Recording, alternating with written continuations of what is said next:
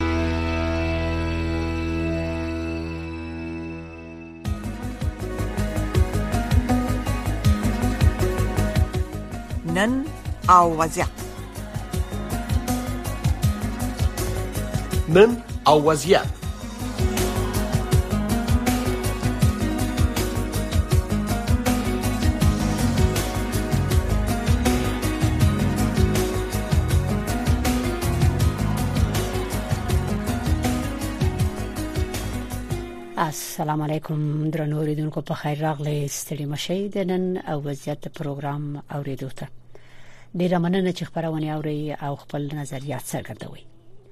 قدرمن اوریدونکو سرګي لاوروف ویل دي چې لویدیس هیوادونه د روسي موجودیت ته خطر دي د روسیې د بهرنیو چارو وزیر سرګی لاوروف د جمعې په ورځ د مارچ په یو دیرشمه ویلي چې د دې هواد یعنی روسیه خي د بهرنۍ پالیسۍ نوې ستراتیژي چې د جمهور رئیس پوتین له خوا تایید او منل شوی همده لویدیز د روسیې موجودیت ته خطر ګڼي دا نوې ستراتیژي او نوې پالیسي ده لاوروف ویلي دي چې د روسیې د بارنۍ تګلارې په دې نوې ستراتیژۍ کې متحده ایالات په مستقیمه توګه د روسیې ضد احساساتو د اصلي محرک او تحریک کوونکي په توګه یاد شوی دی او زیاته کړې ده چې زمونږ هیواد د امنیت او پرمختګ په وړاندې په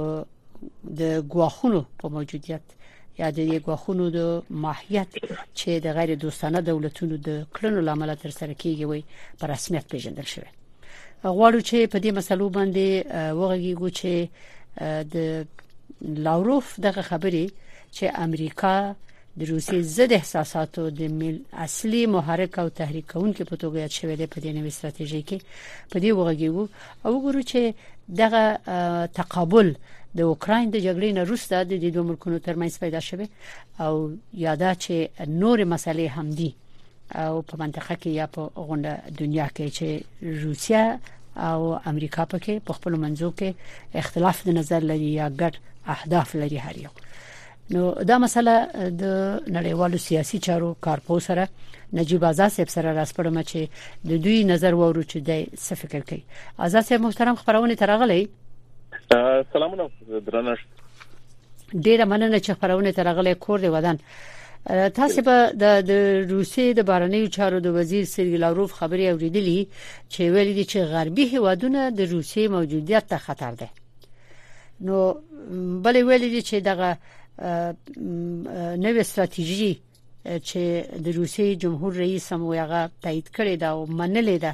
یو نوې پالیسی د نوې ستراتیژي ده په دې کې دا منل شوې ده چې لویدیز د روسي موجودیت خطر پیښي او خطر ده نو سوال دلته دا دی چې بیا په دې کې په غربي هیوادونو کې بل خبره دا ده چې وایي د روسي ضد احساساتو د اصلي محرک او تحریکونکو په حیث امریکا یاد شوې ده په دې نوې ستراتیژي کې زه غواړم تاسو په نظر باندې پوه شم چې اصلي خبره دلته یعنی دغه تقابل چې پیښ شوی دی صرف دغه د اوکرين جګړه ده چې اوس د دې دوه ملکونو ترمنځ پیښه ده په دې باندې اختلاف دی ک د دې ملکونو او د دوی د متحدینو او انډیوالانو ترمنځ په دنیا کې په سیاست او پالیسۍ کې یا د دوی په ګټو او اهدافو کې کوم بدلون یا تغییر راغلی دی یو ځل بیا هم سلام او درنښت د دې دواړو هیوادونو ترمنځ د متحده ایالاتونو او روسیې نړۍ نړۍ به داسې تعریف کړو چې لبد مرغه نړۍ په دوه قطبو ویشل شوې ده دوه ستر ځواکونه یا زبر ځواکونه د د پیړوي راځي د نړۍ کنټرولولو هڅه کوي او ډېر تر ډېر نفوذ لرلو هڅه کوي د متحده ایالاتونو په ځانګړي توګه په غرب کې د متحده ایالاتونو چې د غرب سرلارې دی او د روسیې ترمنځ د د دویم جګړې لپاره د خوښتونځي او بیا د سړې جګړې چې د دوه ایډیالوژي جګړه و او له بده مرغه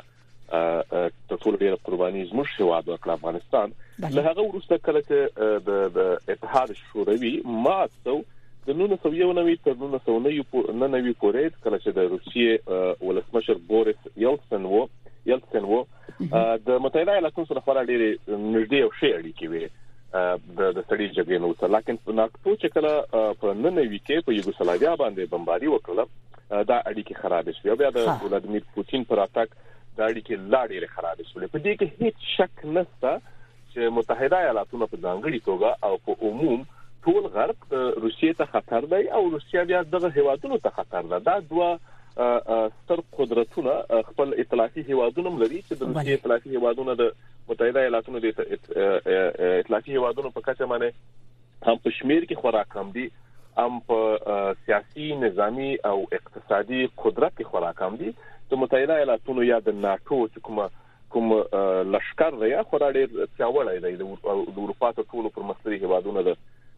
بریتانیا او د فرانسې او د جرمني په ګډون ټول هیوادونه اکثره هیوادونه د اروپا هغه هغه په دې قطر کې شامل دي او د روسیې سره خورا کمزوري هیوادونه لکه ارمانیا او بلاروس او دا هیوادونه چې د کوی چین هم البته په خاص ډول دا چې په دې د دې په کوته کې په دې شکل نه دی شامل چې هغه د لکه بلاروس او نور نور هیوادونه یا کازاکستان او ازبکستان او دا هیوادونه په کې دغه په په شکل د روسیو روسیې رهبری منلې وي لکه د امریکا سره د خپل سنځو لامل په حق ته کړی د دې تر څنګ د یوکرين وړاندې د سیریا په جګړه کې د روسیې مستقیمه مداخله او امریکایي پوځ او امریکایان ته په سیریا کې خورا ډېرې ستونزې زیږول یعنی هغه خپل نیابتي جګړه د مخه بوله د چې په کې ټول ډېر تاوان لکه افغانستان سیریا ولیدي د هغه هغه ته هم د دې د مخالفتونو یا دښمنۍ په اوج باندې او بیا په یوکراین باندې او د د همدارنګه د کریمیا باندې د د مسایلو یا د بریټونو مسله د دې لامل شو چې متحده ایالاتونه د ټول غرب په ګډون او حتی د نړۍ نور هیوادونه چې د د د د دې په بلاک کې نه دي هم دې ته قناعت ورکړي متحده ایالاتونو چې روسیې تیرای کړی دی پر روسیې باندې خورا ډېر بندیزونه ولګیدل هغه بندیزونه چې په 2014 کې پر دې باندې لګیدلی وو او ادامه یې درلوده هغه خورا ډیر شول په ځانګړي توګه د کیوبا د میزایل د مسایل نو ورسته په 2014 کې چې روسیې باندې کوم بندیزونه ولګل د یوکرين مسلې نه دا بندیزونه خورا ډیر شول نو په ټول کې ویل شو مختصرا چې د روسیې او د ناتو یا د غرب په ځانګړي توګه د متحده ایالاتونو اړیکې د یوکرين په مسله باندې نه دي خراب شي بلکې دا اړیکې خرابې وي چې د یوکراین مسله رامنځته شوله دا اړیکې د خرابې د خرابې د اړیکو د خرابېدو لامل یوکراین څخه چې تر غرب او روسیې ترمنځ اړیکې سمې وای چې د ناتو د روسیې ترمنځ اړیکې سمې وای حالت یو د بل په وړاندې تهدید نه وای نو په یوکرين باندې برید نه کېدای او روسیې مستقیم برید کړی دی د یوکرين په دفاع کې ټول ټول غرب سره ولاړ دی په اقتصادي ډول او په نظامی ډول هغه ډول چې یوکراین توقع کوي هغه څه نه دی وسل دی لکن وسلې ورکوي پیسې ورکوي او دا خو طبي خبره چې روسیه بیا ځان ته تهدید ګوري د روسیه روسیه موجودیت ته خطر دی او همدارنګه غرب یا روسیه ځان ته تهدید ګوري د نړۍ په نړۍ کې چې څومره قدرتونه دي ته ټول دوه لوی ستر قدرتونه هغه د نیوکلیر یا د اټامیک په قدرت یا اټومي بم لرلو روسیا او متحده ایالاتونه د نړۍ 90% اټومي وسلې د دوی سره دي نو کله چې 90% اټومي وسلې د روسیې او د متحده ایالاتونو سره دي نو هیوادونه په دې برخه کې خورا ډیر کمزوري دي په ټولو سره نور لس فیصد لري هغه نو خو لکه څنګه چې تاسو ویل په متحدینو باندې بیا حساب کیږي چې هغه د امریکای متحدین بیا قوي دي نسبت روسیې ته اوس سوال دا دی چې دغه دفتن خو د اوکراین مسله ده د تاسو تخکاری چې د اوکراین مسله د حل شي د سې راپورټونه وایي چې دا جګړه به وګدوي او بل په لو په دې ورځو کې جمهور رئیس بایدن ویل چې پوتین جنگي جنایتکار دی او په اوکراین کې دغه سه جنایتونه کړي خصوصا هغه د اوکرایني ماشومان خبره شوې ده چې دوی ټول لیګلی دی بیرته دغه ته روسیې ته ګرځي وي چې تداوی د پاره لیګلی په هر صورت خو دلته د اوکرين جګړه کچېری مثلا یو ډول باندې د دوی ترمنځ حل فصل شي فکر کوي د مناسبات په نړیواله سویه د دې دوه قدرتونو ترمنځ سم شي چې د دنیا حل سم شي ګورئ بدبختانه تر دې وړاندې هم په وار وار هڅه وسوله چې د دې دوه هیوادونو ترمنځ اړیکې سم سي د دویم نړیوال جګړې را پدې خو هغه کومه کومه نړیوال تیوري چې رامنځته شوې د جګړې چې د ټو لیول گیم او د سکیورټي ډایلما ورته ویل کیږي هغه یو ډول د پایله له افغانستان وکړي چې سړی جګړې نوم ورکړي کنه جګړه خو هیڅ کله سره نه وي موږ تر اوسه پورې سوړ ایسکریم او سړه جګړه نه دلیدلې ځکه جګړه خو ډیره توده یي خدای په مستقیم ډول په کې ښکیل نه و هغه چې مخامخ جګړه سره وکی نو دغه یو دریم دریم ځای هغه کې انتخاب کوي چې هغه افغانستان او اواز دې جګړه سره وکړه پیغه کې زورګونه روسان وژل شول اما یو امریکایت کې ونه ونه وژل شو ځکه چې سړي جګړې نوم ورکړي دغه نو ورسته هم د اړیکو د جوړېدو هڅه وشوه دلته په نړۍ کې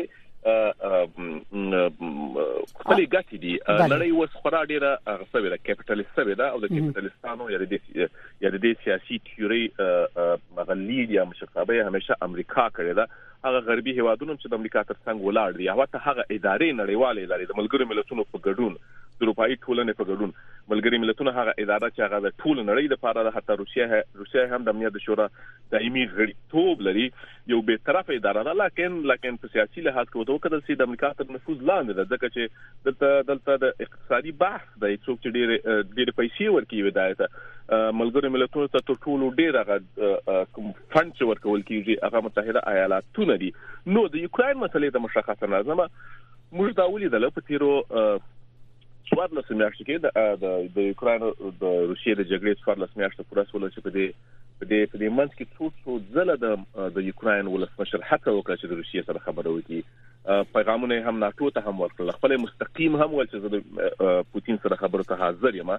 لکه جګړه په د جګړې په ډګر کې د هغه میدان کې هغه وسلواله جګړه د روسیې او د روسیې او د یوکراین ترمنځ د اماسیاسي جګړه او د دې جګړې کنټرول بیا د یوکراین سره نه دی یعنی پوتین د یوکراین د ولسمشر سره خبرې و نه کړلې د یوکراین د مسلې د حل لمړی خو څوارلس میاشت د جګړه څوارلس میاشتنۍ سو او په هغه قدرت چې روسیې ادعا درلوده روسیه ونه توانېدله چې وړوکی یوکراین د په څوارلس میاشت کې څوارلس میاشتې د روسیې غونډې ځواک د پر خورا ډیر وخت دی ونه توانست روسیا ونی یوکرين ونی سی وبخښي نو په اقتصادي لحاظ په نړۍ کې په سیاسي لحاظ هغه بندیزونه چې پر دوی باندې ولګېدل د ټول نړۍ لخوا هغه با قدرت اداري چې دی هوادونه چې دی هغه بندیزونه چې پر دوی ولګېدل الته اقتصادي ستونزې چې کومې رامنځته شوې الته د دې د پوز کوم مورال چې وو په څوارلس میاشتو کې څومره راکښته الته هغه د هغه د د یو تلسم چې جوړ شوی و د د روسیې د ځواک هغه ماتو نو په هغه تک په کتو سره روسیا ماته ده په دې جګړه کې لکه دا جګړه به غځيږي ځکه چې پوتین چې د کوم د کوم ټیپ سړای دی پوتین چې پوتین چې تر کوم سیاست کړی دی هغه کوم سیاسي ساختار چې په روسیا کې دی هغه یو ډول خورړی هغه استبدادي سیاست چې الته کیږي او پوتین چې څومره خپل نفوذ لري او څومره چې دی وس د عمر په کومه کچه دی د کوم افکارو څښتن دی په هیڅ وجه دی دا ماته د خپل عمر په اخري ورځو کې نه منلای نو دا دا جګړه ته تر څو چې پوتین ژوندای وي دا جګړه نه درېږي یاري وګدا جګړه ده او غرب هم نه غواړي چې دا جګړه ودرېږي ځکه په دې جګړه کې څه ډول روسیا را راګیر سو را شکیل سو غرب باندې هیڅ تاثیر نه کړی لکن روسیا د هر ډول سن سره مخ سول کړه اوس مشه مختصرا څو سن زیات په دې حساب آزاد صاحب محترم نو په دې حساب چې دا جګړه دومره وګده وي او روسیا پوتین خصوصا هیڅ وخت دغه ماته نشي زغمل او نیمنی د خبرونو په خوام راغلي دي په دې صورت کې د افغانستان سرنوشت څنګه کېدی شي اخو ته خو به روسیا د نورو ملکونو سره مثلا دغه ننم منګه داسې خبرونه لرل چې د د مرکزی اسیا هیوادونه چې دي ټول د روسیې پر رهبری دی یو تړون لري خپل کې چې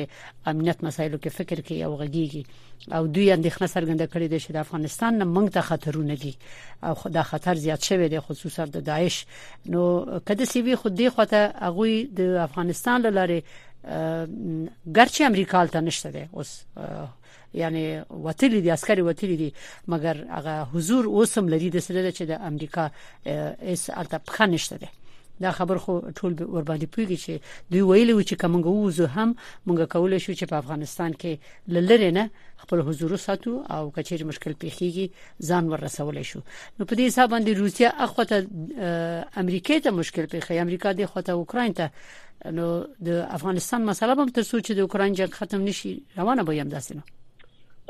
بدبختانه د افغانستان هغه جغرافیایي موقعیت په ځینې مسایلو کې خورا ډیر مثبت دی یو وخت د نړۍ ترمنځ د تل رول وبوي او د اروپا او د اسیا ترمنځ د تل رول لوبوي اما وسه څه ډول نړیوال سیاستونه په نړۍ کې تمثيل کیږي متاسف شپانه د افغانستان موقعیت داسې یو ځای دی د جغرافیایي موقعیت چې هغه به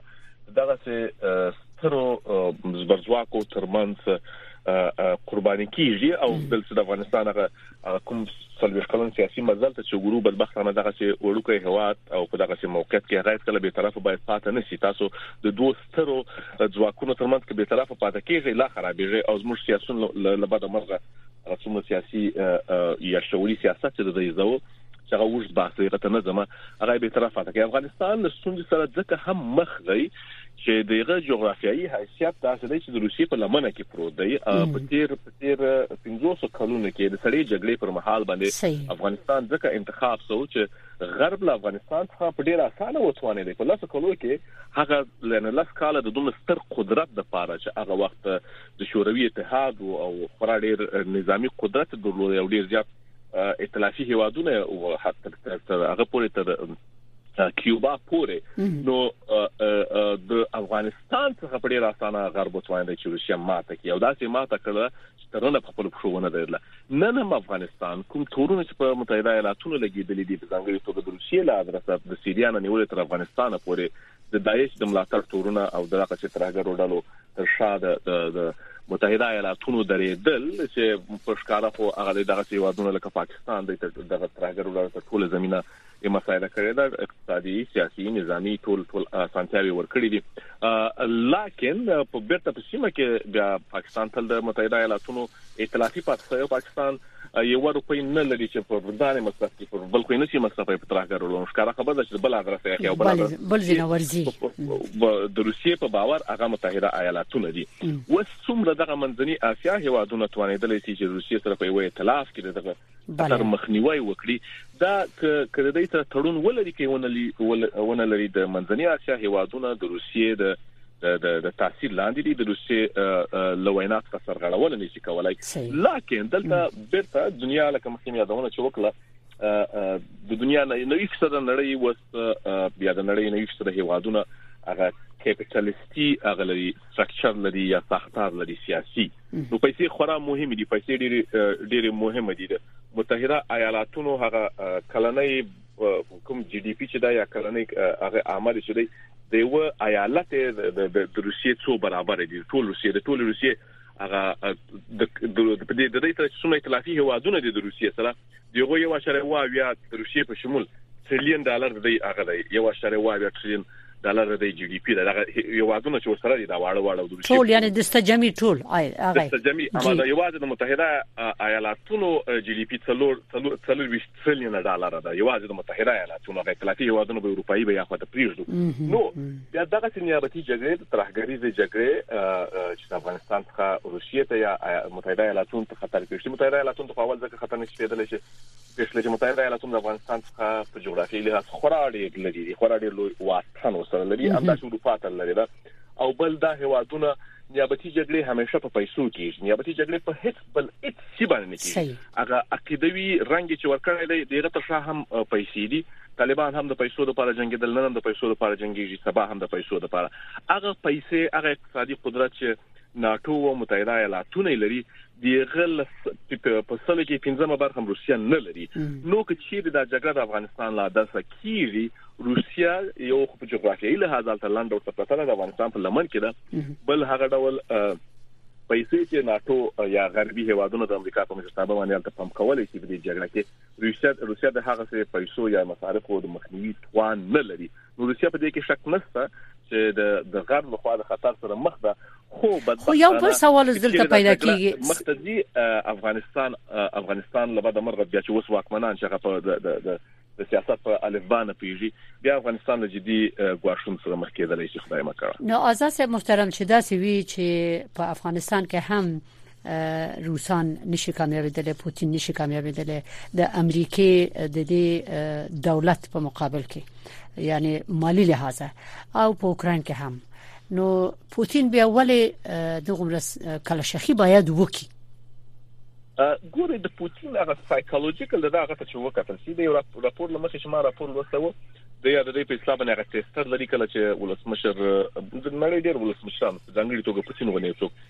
دی چې ډوډۍ خوري نو یو بل څوک یې باید لومړی وخوري ترڅو هغه مسؤلیت هڅه په ډوډۍ کې خطا نه کړه پوتین ټیسټر د یو څخه وسلو ته رسیدلی دی نه نه نفر باید ډوډۍ وخوري او دا باید څو دقیقې انتظار وکړي چې تاثیرات ډوډۍ ویني پر رواني لحاظ ته دومره فشار لاندې دی پوتین د پوتین شخصیت ته پکاتو هغه یو دغه سه دیکتاتوري یا استبدادي سیاست هغه دی طرفدار دی چې دغه په وړاندې اوس د دې په دولت کې چې ډیری خلک د پوتین د یا ډیری چارواکي د پوتین د پریکړو سره همغږي نه دي لکه تاثیرات د د خبرو دومره زیات یا غواکي دومره زیات شوی دی چې کې جی بي دغه د کې جی بي کې ټول عمر د کې جی بي کې تیر کړی دی هغه استخباراتي قدرت د دومره دی چې د مخه څوک نسی نیولای نو د د د ته په دې کې شک نشته چې معلومات لمړی د په ځانګړي توګه د یوکرين په حق لبانې د استخباراتو غلط معلومات ورکړل دا په ښکارا په وار وار خپل پوتين ویل د روسي دولت ویل چې په یوکرين کې د یوکرایني په نوم باندې ملت نه دا ټول روسان دي او په دې باور دي لکه بیا وایي د څل کله چې د جګړه پیل کړه هغه ټول یوکراینیان سول د یو ملت په صفت سره ودرېدل سپینځري نه راوښه د ټول د وړاندې ودرېدل نو او د همدارنګه په تیرو 15 شپږ کلونو کې د قراردادي پوجان واستل دوه درې څلور میاشتې ټرین کوله او هغه یې پوځ ته راوستله هغه د دې جوګه نسول چې د دومره سترې جګړې زور لري ښه نو دای وس هغه شخصي او څه ډول چې د دې د شخصیت د پوتین هغه عقدې نه نیولای دی د په دې په دې کې نه دی چې روسیا چیرته ولاړله په اقتصادي نظامی او سیاسي لحاظ باندې سال ته تیر شول یوکراین خو پردای هوا دی هغه هغه په څه کې خود نه دی اما روسیې ته څه تاوان ورسېدی د غرب سره دای وڅ هم دغه رقم یو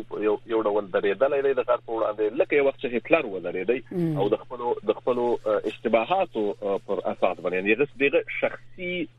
فکر یا شخصیت یا غد شخصي عقده هټلر مات کړ کنه هټلر څه ډول روان وو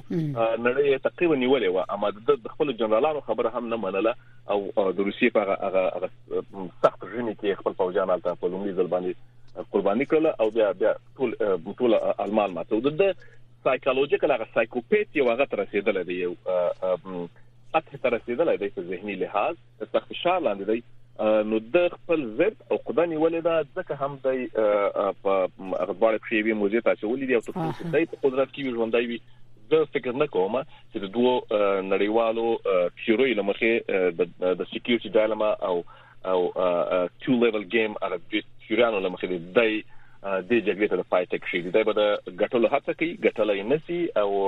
یا به د نن ترور کیږي یا به د فشارو لامل مړ کیږي بیا بیا به دې مسلې ته خو په هر صورت هر څه چې وشي دواړو خواو ته ولس بیچاره که په اوکرين کې او که په افغانستان کې که په بل ځای کې د دوی ژوند تباہ دی او تباہ کیږي مګر د غسنت خبره چې مونږ وکړه چې لاوروف وی چې د 200 ویخ پانه دی او د سند کې د روسي په نظر کې د بدلونونه دوی په ګوته کړی دي او په خاص ډول د لویدي سره وي دغه بدلونونه زیات شوي دي او مقابله په ډاګه کوي په دې صنعت کې بیا یو بل ځکه وایي چې نړیوال ثبات اصلي ګواښ دی او د روسیې ضد کرخې دي دغه هغه بلل دي چې دا تشریح کړی دی البته او وی چې په دې باندې ټینګار کړی دی په دې صنعت کې چې ماسکو د واشنگټن سره سولېز ژوند او د ګټو په انډول ژوند غوړي او په دې لټه کې دی نو دلته د غنډول څنګه برقرارې دي شي د دوه ملکونو ترمنځ په دنیا کې دا خو یوازې یوازې به اوکرين نه یې کړه دا خو ما ما لکه څنګه چې مخکې یادونه وکړه یوازې اوکرين نه ده د 1999 نه چې ناتو پر یوګسلاویا باندې بمباري وکړه د اړیکې لاړې خراب شوې بیا بیا د دې ترڅنګ په منځني اسیا کې چې متحده ایالاتونو ته بشکیک کې الته نظامی اړې ورکول شوې دا اړیکې لا ډېرې خرابې شولې بیا د ناتو هغه فعالیتونه په اروپا کې د څنګه په سیریا کې د دوه هیوادونو په جګړه کې مداخله او بیا اوس د یوکرين مسله نو دا ستر قدرتونو چې البته په نظامی لحاظ روسیا وسم د ستر قدرت ادعا لري چې قدرتونه په نن سبا کې په نن سبا نړۍ کې ټول قدرت کمره قدرت چې اقتصادي قدرت لري چې روسیا د افغانستان د متحده ایالاتونو په په پرتله باندې ما دغه ټول د ټول ائتلافي هیوادونو چې د سولاړي اما شمول د دې د اقتصاد او د یوازې د متحده ایالاتونو د پرتلې وړ دي خنه دي نو د دوه هیوادونو ترمنځ اړیکې څنګه شکېدلې چې اړیکې هم راش کېدلې چې چې غرب خپل هغه هغه ځواک همدغه څه غزوي ناتو به خپل قدرت غزوي او روسیا به دغه په وړاندې نه درېږي ډیری مسایل چې په ملګرو ملتونو د امنیت شورا کې ځینې پریکړې کیږي روسیا د دایمي غړي په صفت باندې باید مداخله و نه کړي بیا د اړیکې جوړېدلې شي ځکه روسیا اوس په سیاسي اقتصادي او نظامی توګه د غرب په وړاندې خورا ډیره کمزورې ده او غرب خپل بدمعشي پر کوي یعنی غرب متحده ایالاتونو په دې کې شک نشته چې د په زورګونو ستونزو لامل دی د نورو لپاره د روسیې په شمول د نورو لپاره ستونزې زیږوي د کوم دغه هم دغه لبا د مرغه د نننۍ سیاست د څنړې کې تمثيل کیږي نو غرب په هغه هغه سټیج کې دی چې هغه د روسیې غوښتنې نه مني خپل بدمعشي پر کوي روسیه مجبوره ده که غواړي چې اړیکې سمې شي د غرب غوښتنې ومني او او پوتین زد نیولای دی هغه بیا د غوښتنې وس نه مني نو ځکه هم دغه دغه کشاله یو څه سره وجده سره کني ګرې مستقیم جګړه واړي خو د د متحده ایالاتونو د روسیې ترمنځ پنځه بیا انځا بیا مایله یا میله د سره لري دي نو دا دا خو دا خو روسیا واغه یو ډول هغه سره لري سرحد سره لري روسیا او متحده ایالاتونه لکن هغه ډول ستر هوادونه په مستقیم ډول مخامخ جګړه کوي چې د مستر هوادونه بیا خپل ټول نه غیله منځ تلای شي دا نو یو څه د اټومي پاور چې دی لري نو هغه ته یو هم ځل نشه کوي یو هم دا نشي کولای لکن که روسیا غواړي چې دا روابط سم کړي نو روسیا به د غرب په ځانګړي توګه د متحده ایالاتونو بدمعشي ته ستر جدي لکه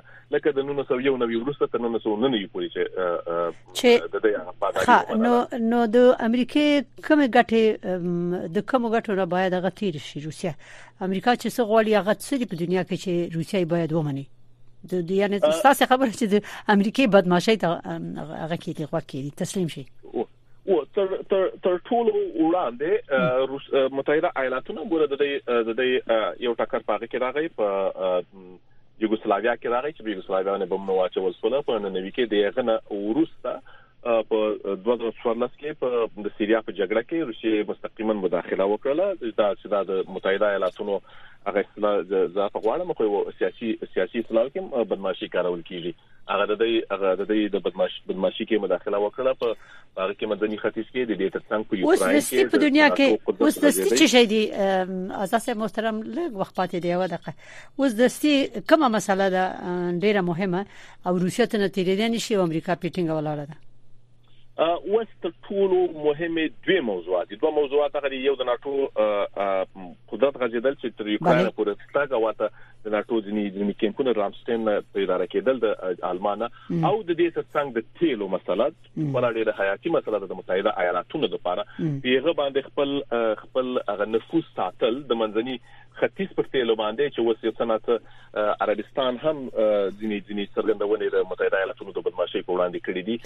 چې د روسیې سره ځینې لیده کاته هم کړې دي ایران سره اړیکې سمې کړې دي او د دې ترڅنګ د روسیې خپل هغه نفت چې د یاسې چې دی په نړیوال مارکیټ کې ځانګړي توګه په اروپا کې او په یورو باندې دغه پلورل دا هغه څه دي چې د متحده ایالاتونو لپاره خورا حیاتي دي چې روسیه باید ومني او دا د ورځې د سلګونه بلین ډالرو راکړه ورکړه دا دا دا مسایل بل خصوص د تیلو په ټولو مهم د دې د پاتیل دي چې هغه کې خپل خپل نفوذ متحده ایالاتونو د منځني ختیځ په تیلو باندې ولري د روسیې په نفت باندې ولري په نړیوال مارکیټ کې په اروپا کې او د ناتو قدرت باید هغه چې وغه دیږي لکه د چې هڅه وکړه او روسیې د مخنیوي هڅه یعنی یعنی صرف امریکا باید وي یو قطب دویم قطب نه وي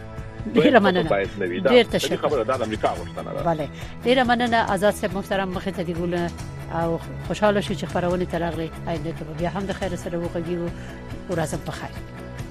کور دی ودان جنور دین کو د خبرونه هم د پای ته ورسیده خو د امریکا غږ خبرونه ادامه لري د نن وضعیت پروګرام هم ادامه لري روسته لدی ساسه غږ پروګرام دی او هغه یو ساعت وی